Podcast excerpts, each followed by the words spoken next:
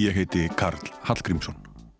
Hafinn er þátturinn Berjar hverjað baki, þáttaröð um hljóðfærarleik á íslenskum hljómblutum.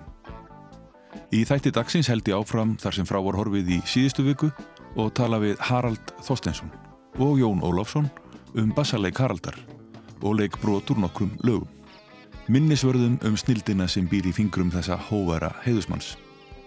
Um miðbygg þáttarins ætla ég að snúa mér að trommuleik Birgis Baldurssonar en trommuleikur hans var um margra ára skeið ábyrrandi á íslenskum hljómblutum og heyrist af og til enn. Í næstu viku held ég svo áfram að tala um trommuleik Birgis og það munu þau líka gera Ragnhjóður Gröndal, Gunnar Hjálmarsson, Einar Skeving og Jón Ólafsson.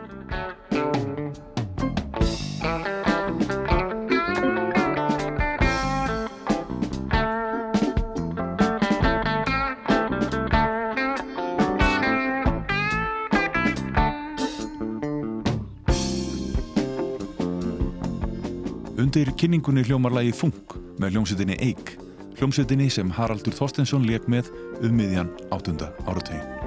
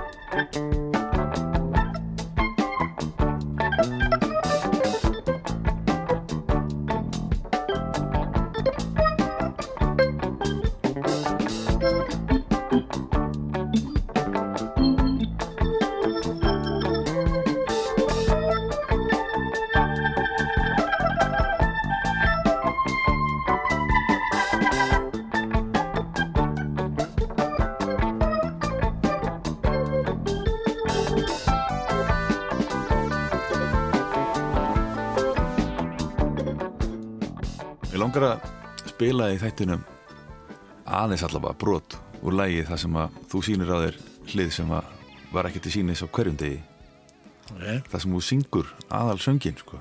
já, það er lægi Hanna Hanna já. hvort ertu að syngja fyrr, fyrra vers eða setna vers Ég syng uh, Steppi byrjar, ég syng setna vers. Aldrei hef ég áður Já, Já, eh. Hvernig var þetta að fá því þetta? ég veit það ekki. það var einhvern veginn, það var nú bara, við vorum alltaf í ykkur, alltaf að grínast, ég meina, þetta var náttúrulega bara grín, þannig. En, en, en þetta var allt í lagi, ég meina, þetta, þetta var vinsalt. Við spiluðum þetta mjög gætnan á böllum. Og ef við komum saman, þá gerum við það þann dag í dag. er að koma heim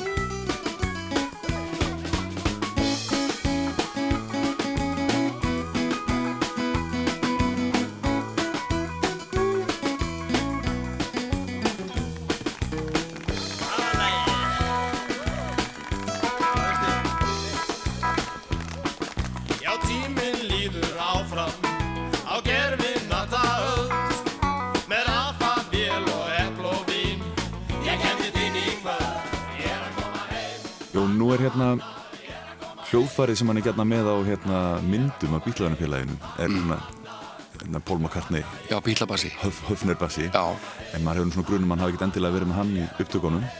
Nei, en eh, hins vegar er hann með soundið hann er með þetta, þetta þessa miklu miðju. Mhm.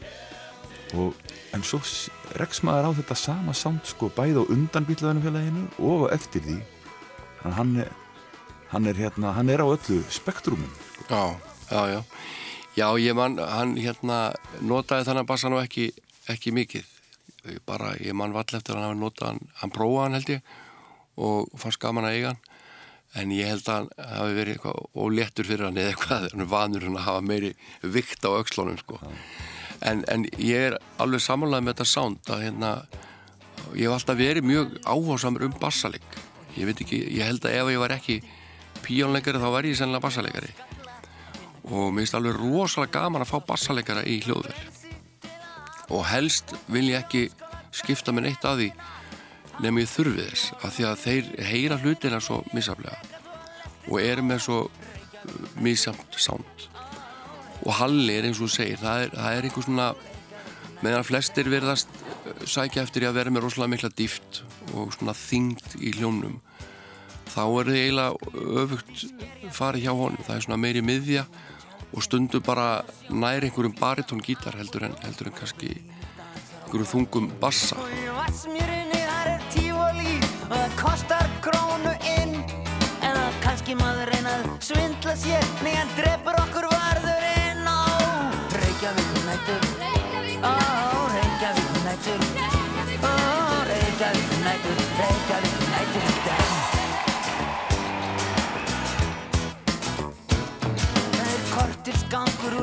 úr norður mýri og niður á lækja torg Annars nær maður bara leið eitt til að komast á rúndin eða Hotel Borg. Og ekki business party eftir ballið er allavega hægt um vík. Að heyra út á seltjóna nes og drekja sér í sjónum eignu blík Ó, Reykjavík nættur Ó, Reykjavík nættur Ó, Reykjavík nættur Reykjavík nættur í den Já, það er nú svona kannski jafnví sent og verkefnin eru mörg. En yfirleitt er þetta þannig að, að, að, hérna, að maður kemur í stúdíóið og, og gerna fær bara hljómablað. Ég vil nú alltaf heyra yfir og fá að spila með í nokk skipti eða skildi eitthvað svona kveikna og, og svona sem að ég reyni að þá að nota. E, og oft er þetta líka þannig að, að, að maður hefur fær kannski á Dropbox eða eitthvað eitthvað svona eitthvað demo. Stundum er það.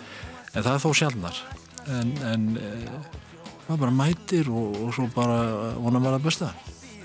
Og það er eiginlega þannig og stundum e, kemur eitthvað sem að hittir í mark og, og því með stundum ekki. En er það mikið frábriðið því að spila á sviði?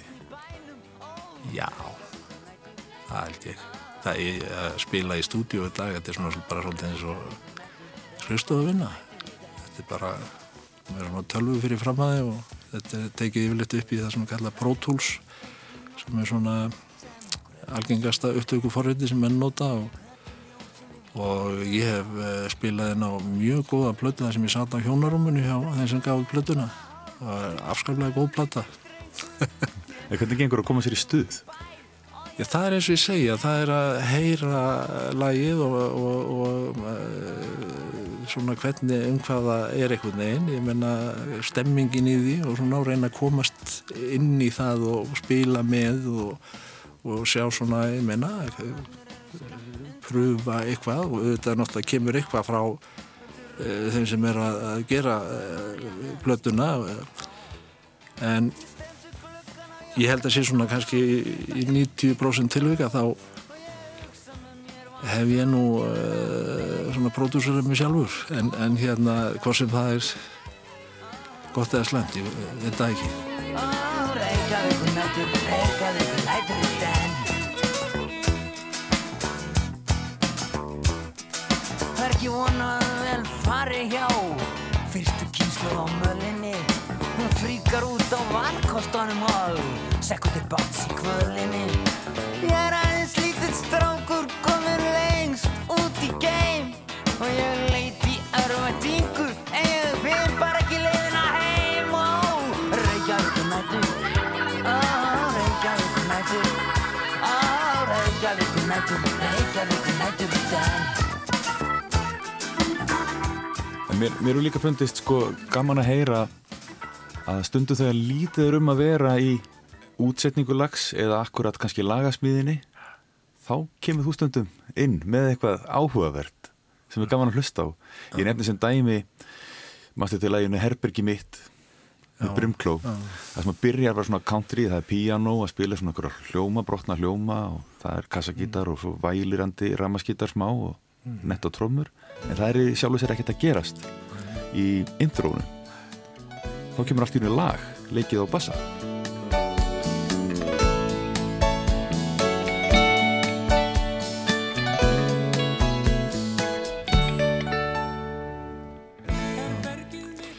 Sko það er þannig að, að hérna, þegar ég byrjaði í hljónstinni Brynkló að þá fyrir ég að hlusta á einhverja músík sem ég aldrei heist áður. Gram Parsson Nei, reyndar ekki, en ég fór að mikið að hlusta á, á, á James Taylor og ég bara, ég bara hætti ekkit að hlusta á hann en það var bassalegarinn sitt Lílands Klar. Og hann bara gessanlega heitlaði mig og, og hann er náttúrulega sko, hann er þvílitt fenomen, þetta er kall sem er að spila en þá í dag, er áttræður. En hann einhvern veginn eh, sko þessi löngu tónar og þetta eh, svona þessar línur eh, sem hann var að gera og svona ég var að herbyggi mitt er svona mitt reyna apa svolítið eftir Lís Klar tekið ofan fyrir honum. Já, og svo þessi litlu off sem koma, þú veist, inn í kabla, inn í A-kablan út úr þessum frasa sem ég er að spila þarna ég, þú veist, það er alveg sko alla lísklar Við gluggan byrtast menn og konur Þar stendur hann þögull en keikreftur með korðan. Konungur vor og Danmarks lengstir sonur. Undir súðina norðan hangir ljótur listi. Léttvættar róttur tif á bakvið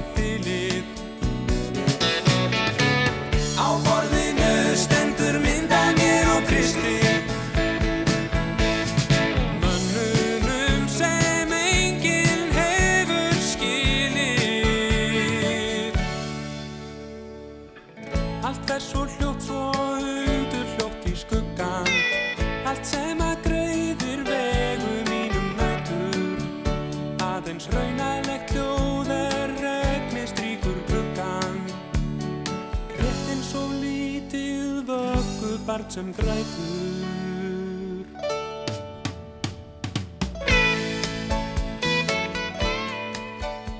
En þú nefnir hann að Lís Klar en, en hvað með Íslendingarna sem voru að spila á undan þér?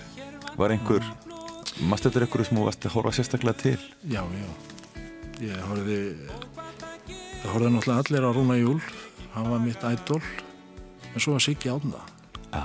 hérna ég hann var, eh, ég gætt Fórst að sjá hann Já, já, marg, marg oft uh, með náttúru og, og hvernig hann spila til dæmis uh, Magic Key-blöðuna, það er náttúrulega bara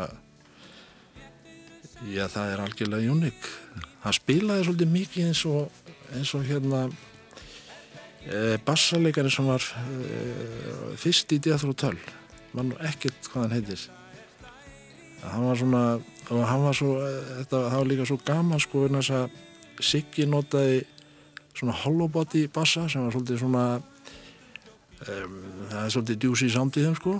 En, en, eh, en hann einhvern veginn eh, náði að láta þetta hljófæri sanda alveg beautifully sko, á þess að vera neitt í kerfi eða svolítið eins og í dag, þetta er allt bara menn eru með einhverja pínulitla elspýtustokka á sviðinu sem magnara, Já. svo er þetta bara í stóru hljóðkerfi þarna voru bara Marcel Magnararnir og hérna á þessum árum var það þannig ég aftur líka uh, sko Hollobot í bassa og Rúni Júl og, Sigurðan Sigfads og, Já. og allir. En það voru allir með auka pick-up til að fá naglan sko, til að fá naglan til þess að kötta í gegn. Já, já, en Siggi notaði það ekki. Og, og hann var alltaf með flottast sándið já, já, hann er að spila ennþá og, og hann var algjörlega minn upp á spasaleikari en Rúni Júl var náttúrulega hann var svona kongurinn hann um, hann hafði nú kannski minni áhrif svona á mann sem kannski hljóðfærarleikari þú hann veri virkilega góður. En hann var bara svo flottur. Bara uh, var stoltur að því að spila saman hljóðfæra hann. Já, já. Ein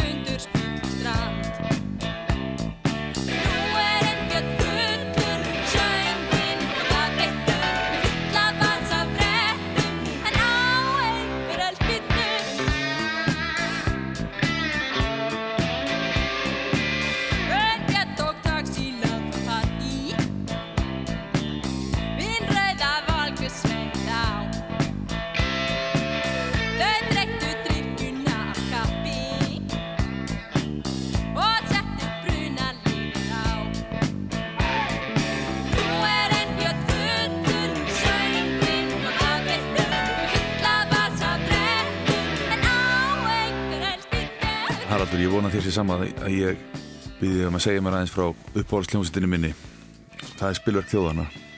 Þú ert þarna með á Bráðabærðabóki. Ég ætla nú hérna að spila lag sem heitir Nú er einbjörn fullur sem er með frábæri básarlínu. Áttu hérna einhverja minningar af vinslu þessara plötu? ég sko heldur betur en það er nú, eh, nú gaman að segja frá því sko að, að þetta er eina lagi sem að nú er einbjöð fullur þegar ég held að það sé eina lagi sem að Sem Valgeir spilar. sem að, sem að hérna, Sigur Bjóla spilar á trommur en, en aftur á móti var fenginn sko uh, í gegnum Jakob Magnússon var fenginn uh, trommari frá Amríku uh, sem að heitir David Logeman og, og er í uh, dag mjög stórt nafn í trómihefnu hefur meðal meðal annars spilað með Frank Zappa og, eh, og, og hinum á þessum. En hann kom með svolítið nýja tíma svona inn í, eh, inn í eh, svona til okkar hann að, að hérna hann til dæmis sko ef að menn vildu fara kannski það var laugataskvöld og, og menn vildu eh, kannski hittast heima hjá einhverjum og á sig aðeins rauðvinn og, og borða góða mat eða eitthvað Nei, hann vildi það ekki. Hann, bæði, bæði var það að hann korki eh, draknir ekti og svo vildi hann fara snemma að sofa. Þannig að það, það gekk ekki upp. Og, og eh, svo var, eh, hvort að Valgir var að ræða það við hann sko að það var svo gott að fara í sund fyrir sessjón á mótnana sko.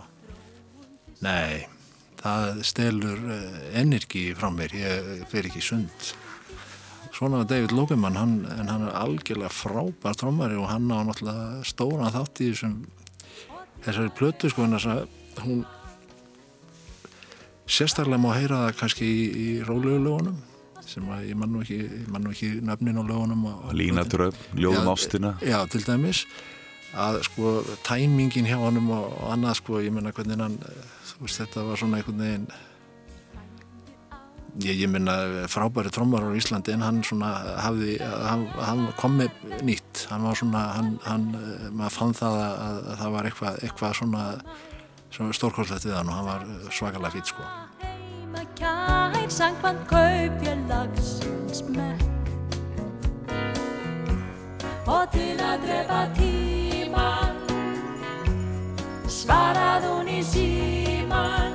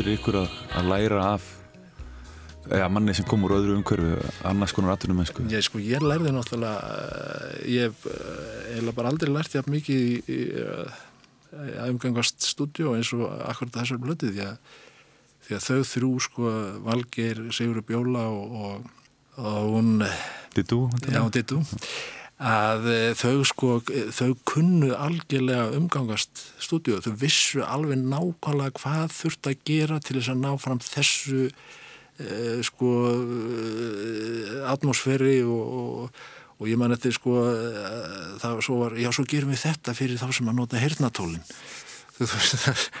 og það var alls konar svona eh, pælingar, svona litli hlutir í percussion og, og endalösa rattpælingar og svona þetta var það var algjörlega stórkvöldlega sko. Og, að því að þú voru náttúrulega eh, svo professional og, og, og kunnu þetta svo vel. Og fyrir utan hvað þetta hvað eru náttúrulega hvað eru svo flottir lögfræðleikar bæði Valgir og Bjólan og svo náttúrulega dittu þessi frábæra sönguna og, hérna, og náttúrulega bjó, Bjólan og Valgir náttúrulega frábæri söngara líka. Þannig að já, já, þetta, þetta var mikið upplifins að spila þessari blötu, getur sattir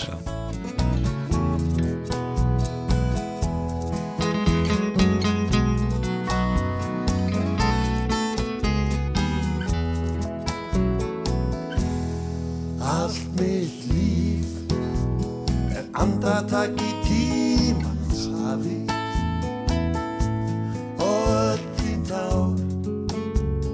það týnast eitt. Og eitt Kongur einn dag það næsta ert í bólakafi. Þú reyðir sund sem þýðir ekki neitt. Og eftir situr sásökin og stundur svo finnana í öllum bænum gríftana og ég týndi sjálfum mér fannana og mistana Eftir sitt ég hugstóla og ömurlega einmanna.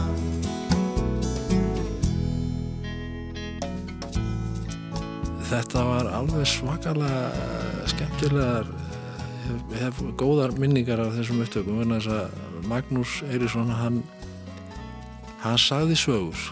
Ég tók eiginlega aldrei eftir því þegar valla þegar vorum að taka upp plötuna maður var svo upptökin af þessum sögum. Maður fekk alltaf sögur á milli laga. Og hérna sumar mann ég og þær eru góðar en, en eh, ég held að nú svona að hafa þær fyrir mig. Já.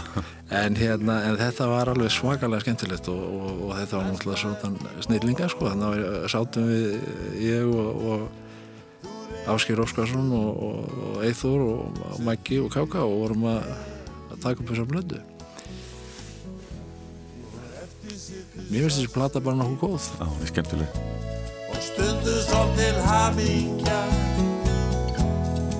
ef þú skildi finnana í öllum bænum gríftana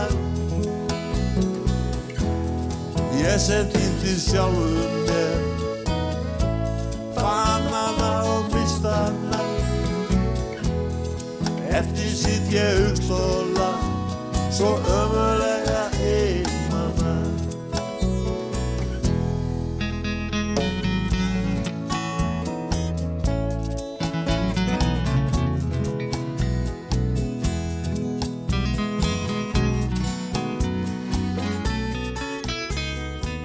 Eitt félagskapurinn heitir Bluesmenn Andriðu hljómsveit sem hefur lengi verið starfandi já, og þú hefur nú verið þarna bróðupartina þeim tíma já, já. Hvað er það sem fær hæfustu hljófarleikarna til að vilja spila blues?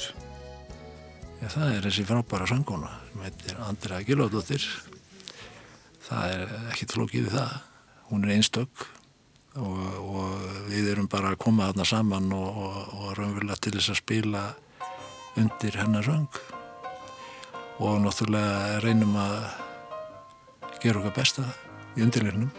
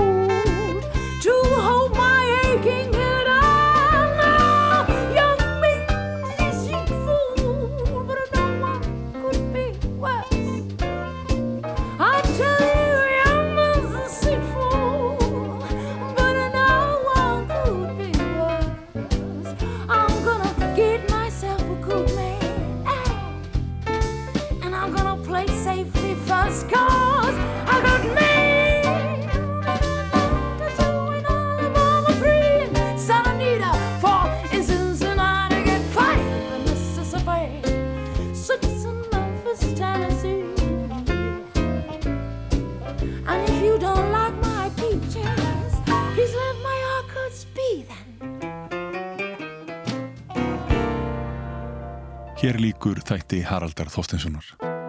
Ég færi honum bestu þakkir fyrir að koma og tala við mig í þættinum en næstur á dagskrá er trommuleikarin frábæri Birgir Baldursson.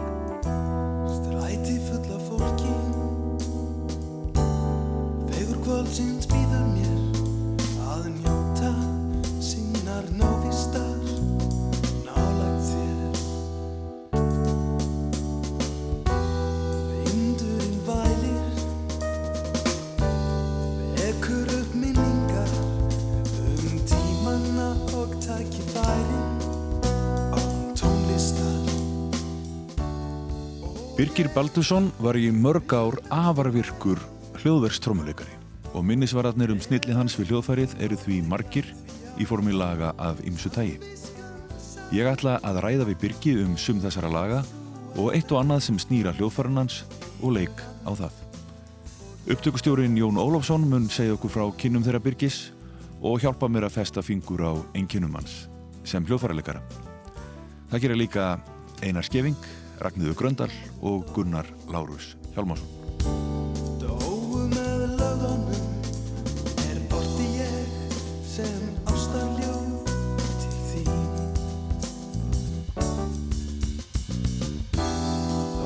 Hér undir tali mínu hljómar Mansöngur, lagað fyrstu plötu tónlistarmannsins Orra Harðarssonar, en hún heitir Drögað heimkomu. Birgir mun í næsta þætti minnast á trommuleik sinn í því lagi í tengslu við annað lag sem hann leik inn fyrir Eyjólf Kristjánsson fyrir um 30 árum síðan. Ég segi næsta þætti á því að eins og þessi þáttur var framhald af þættunum fyrir viku síðan er hann jafnframt upptaktur af þætti næstu viku. Sá þáttur verður allur tilengaður trommuleik Birgis.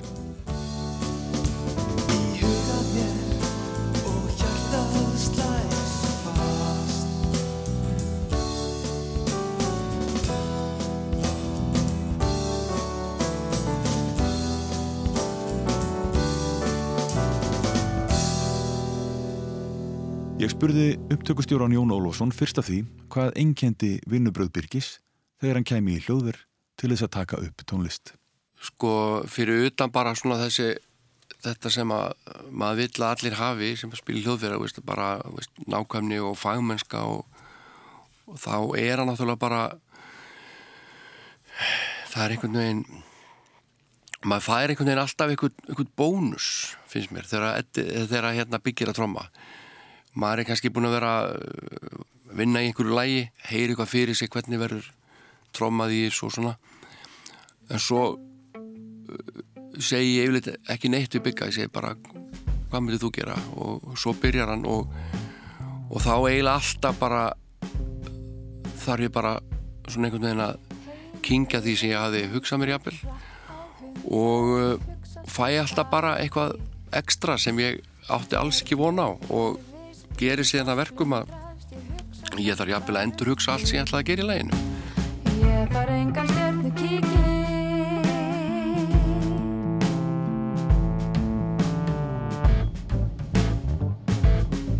Svart hól hám í sig vetrar brautir Ég hugsa samt bara um þig. Mér finnst hann yfirleitt bara bæta um betur, gera hlutina betri.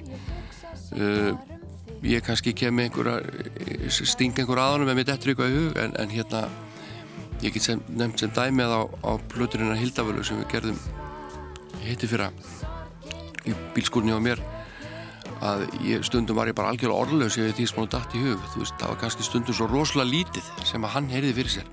Bankaði bara svona létt í gólfpákuna svona, bara svona bara nánast barnslega og það einhvern veginn undirstreikaði bara nákvæmlega það sem þurfti að undirstreika og gerða verkum að allt annað sem að valdi í það sem eftir kom voru bara önnur hljóðfæri jafnvel. það er einhvern veginn, hann leggur svo mikið línuna fyrst mér að byggja í hvaða stefnu og í hvaða átt músikinn fer mér finnst þetta bara svo frábær eiginleiki að, að hérna hann heyri bara eitthvað fyrir sér og eða hvort hann er að reyna að vera frumlegur, ég er ekkit viss um það. Hann bara heyrir eitthvað fyrir sér sem að sem aðrir heyri ekki og er yfirleitt til bóta. Já. það er svo miklu, miklu persónlega einkenni í trómulegnum hjá bygga þetta er einhvern veginn aldrei svona alveg hefðbundið. Veröldin stór svo fátt við vitum Ég hugsa samt bara um þig. Norðurljós í neonlitum Ég hugsa samt Engan stjörnu kíki. Til að sjá hvað allt er svart. Það er alltaf eitthvað smotteri og hann hefur sjálfur talað um það að hann flýti út úr breykum. Ég hef svo sem aldrei mælt það en fyrir mér heyri ég bara alltaf það kemur alltaf eitthvað skap hjá honum þegar hann tekur trómubreyk þú veist það er eins og hann svona þú veist, hann gretti sig í leiðinni þegar hann er að þessu sko. Og, og það er bara inspirerandi að spila með svona hljóðfarleikur hann er bara ég, ég er verulegur aðdáðandi blikis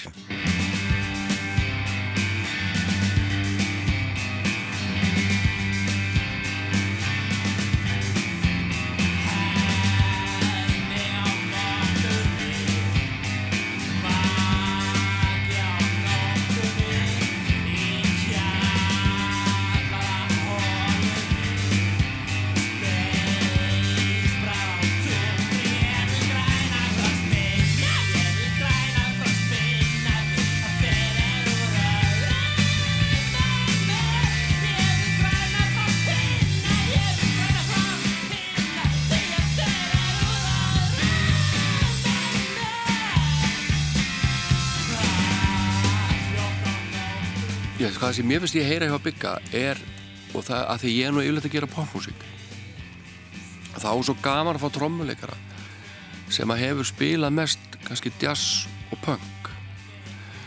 Og hérna þú veist, hann var í svarkvítun draumi og þar er þar sá ég hann fyrst. Með þeirri hljómsveit sá ég hann fyrst og ég var gjörsanlega bit þegar ég sá hann að trommuleik. Og ég var bara algjörlega orðlus þess að þetta stórkoslegt að sjá þessa hljómsveit. Þessi reyðilega afstæðans þegar hann er að tromma veit þegar hann verður svona ítfóldi illur á svipin og, og síðan sko jazzbakgrunnur hans frá FIH og það allt saman. Þetta einhvern veginn sko þegar hann fer síðan að spila popmusík þá verður eitthvað ævindirlegt til. Og, og hérna ég held að hann hlusta ekki mikið á popmusík. Ég held að hann hlusti á allt, eiginlega allt annað. Og það er svo gott að fá þennan vingil inn í fyrir manni svo mig sem er búin að hlusta bara á spilverkið og, og, Paul McCartney og eitthvað svona eitthvað svona hugulegt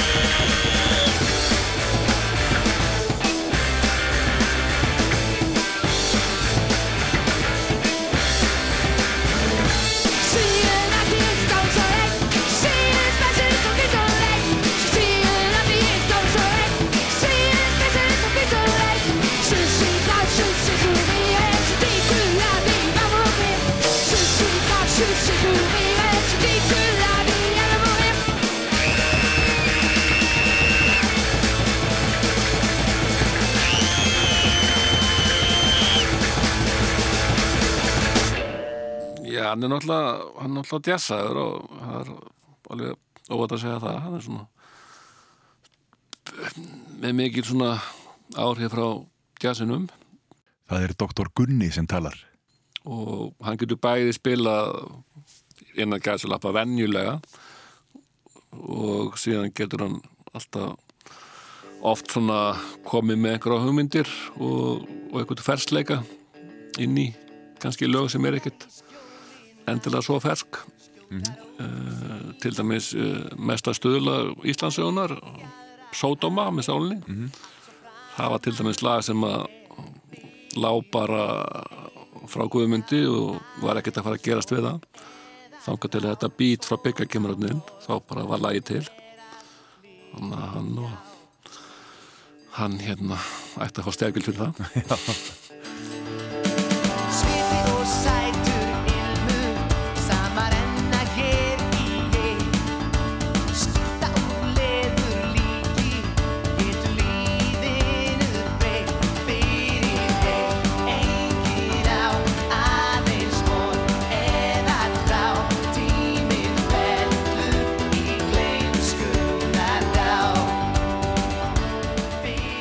svo er auðvitað önnur lög það sem að, jú, jú, mín, það sem maður er svona, sem er eins og, eins og afreiksmaður, sko. Já, er sódóma kannski á meðal þeirra laga? Já, neða, það er minna, það er bara byggja, sko. Já, nú margir hæltir fyrir það. Já, já, það, er- það er, það er smá núans í byggjunni, sko. Hvernig, hvernig maður tekur aðra hverja tríólu og spila fyrstu þriði og aðra, fyrstu þriði aðra nótu í tríólunum en ekki, ekki fyrstu þriði, fyrstu þriði, fyrstu þriði, þriði eins og, eins og sjöflið hveður áum.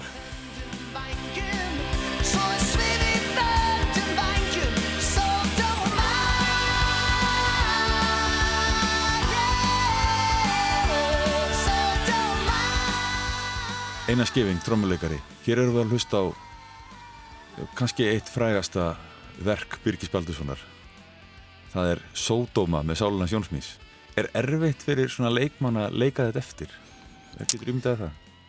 Mm, sko, þetta er kannski ekki flóknasta bítið en, en, en það verður náttúrulega að sitja rétt og, og uh, já, við skulum alveg við skulum allavega segja að það er auðvelt að klúðra því að menn kunni ekki hérna sitt var Byggi, þú spilaði líka með pappans eina skefing. Ójá, það er, er útungunastöðu mín, það voru þeir félagar Átni Skeving og, og Karl Möller sko. Það ægslaðist hannig að Átni Skeving var fengið til þess að stýra Big Bandi Kópavóks, Stórsveit Kópavóks sem var svona eitthvað útibú frá skólanhaust og hotnaflokki Kópavóks þarna fyrir hluta nýjönda áratugurins og hann einhvern veginn dreifum mig síðan af stað, hann fær mig og Einar Braga heitin Bragason og Kalla Möller með sér til þess að spila sem sirkusljónsett hjá Sirkus Arena sem var að koma til landsins, það er dansku sirkus. Þarna á þessu ferðalagi þá kynntist maður þessum gamlu köpum mjög vel Átna og Kalla Möller. Og þetta voru alltaf frábæri gaurar sko. Átni og já þeir sem sagt ég er þarna um hausti komið inn, inn á Mímisbar með þeim teimur Kalla og Átna að spila kóttelmusik og eftir áramótin er við komnir upp á sviðið í Súlnasal með hljónstinni Einstæmi sem var líka að spila undir í sjói hjá Ómar Ragnarsinni sem heit Ómar í 30 ár. Sko með Kalla, Möller og Átna þá þú veist þá einhvern veginn mótast maður sem svona alliða trommari sem að getur spilað hvað sem er. Já, þannig að þú ert kannski í sömu vikunni að, að nema jazz trommuleik í FIH og ert í samspili þar og læra um teóriu Já. og svo ertu kannski að spila með nýbylgi pönkljónsettinni Já. leysa af í dansljónsettum með unga fólkinu, spila gömlu dansana með þessum köllum. Koktelmúsik og sirkusmúsik og jazz. Og inn á plötu með samanattíðum Já. Það er það sem ég er að segja. Það, veist, þetta er alveg gríðarlega holdt að, að hérna, fá svona að kalla sem mentora sko, eins og átna og hérna ég ætla, sko, kann honum bestu þakki fyrir það að hafa kift mig með í þetta æfintýri og haft þessa trúa mér sko. því að hann alltaf á, á helling í mér og hefur svolítið gert með að því sem ég er.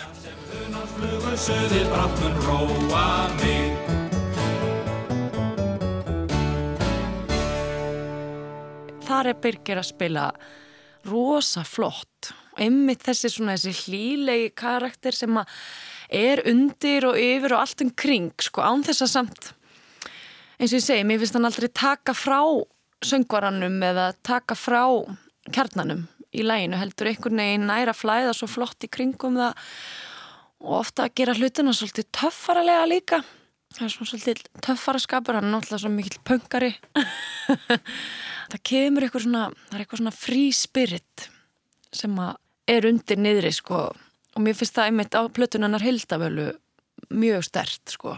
Hann rosa hefur- flott.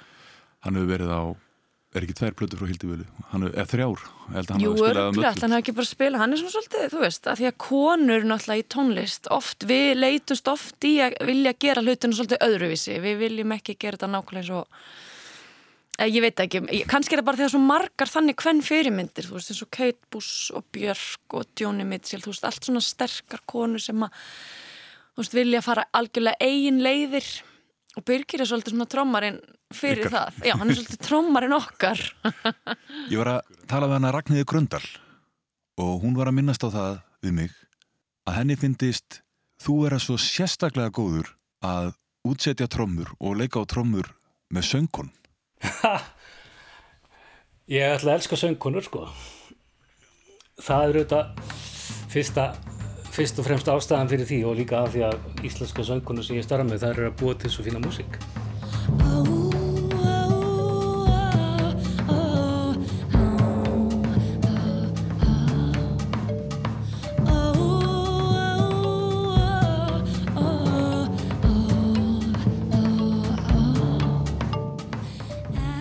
Ég langar að tala um eitt ákveði lag. Mhm. Það er lagi Bangsi Já, um köttiðinn. já, Ég veit ekki okkur ég veit það, sennilega heyrtaði ykkur viðtali. já, eða sé það í myndbandinu það er eitthvað svaka trómu dæmi í gangi þannig. Það var nefnilega svolítið skemmtileg saga í kringum það lag vegna þess að þessi trommuleikur var upphaflega spilaður inn á annað lag sem að reyndar var líka um bánsa en það var einhvern veginn öðruvísi lag og einhvern veginn fannst mér það aldrei ná alveg flugi veist, eins og laglínan var skrifið og textin og svona. Ég, en ég, mér fannst eitthvað svona magic í þessu trommugrúfi. Og í þessum trommum, þetta er svona rosa afró eins og ég segi, það er bara leikið þarna e, lausum hala. Og þetta er svolítið svona vilt og þannig, en, þannig að mér langaði að nota þessar trommur í eitthvað. Þannig að ég samti nýtt lag onna þær. Þannig að Birgir á í stóran hluta í þessu lagi og er skrifaður fyrir því Já, af því að hann á þetta, Kveikir þetta hugmyndina. já, hann kveikir hugmyndina.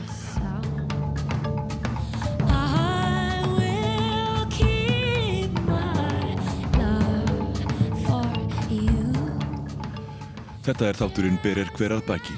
Ég heiti Karl Hallgrímsson. Þetta eru með lokið. Ég þakka ykkur kærlega fyrir að hlusta.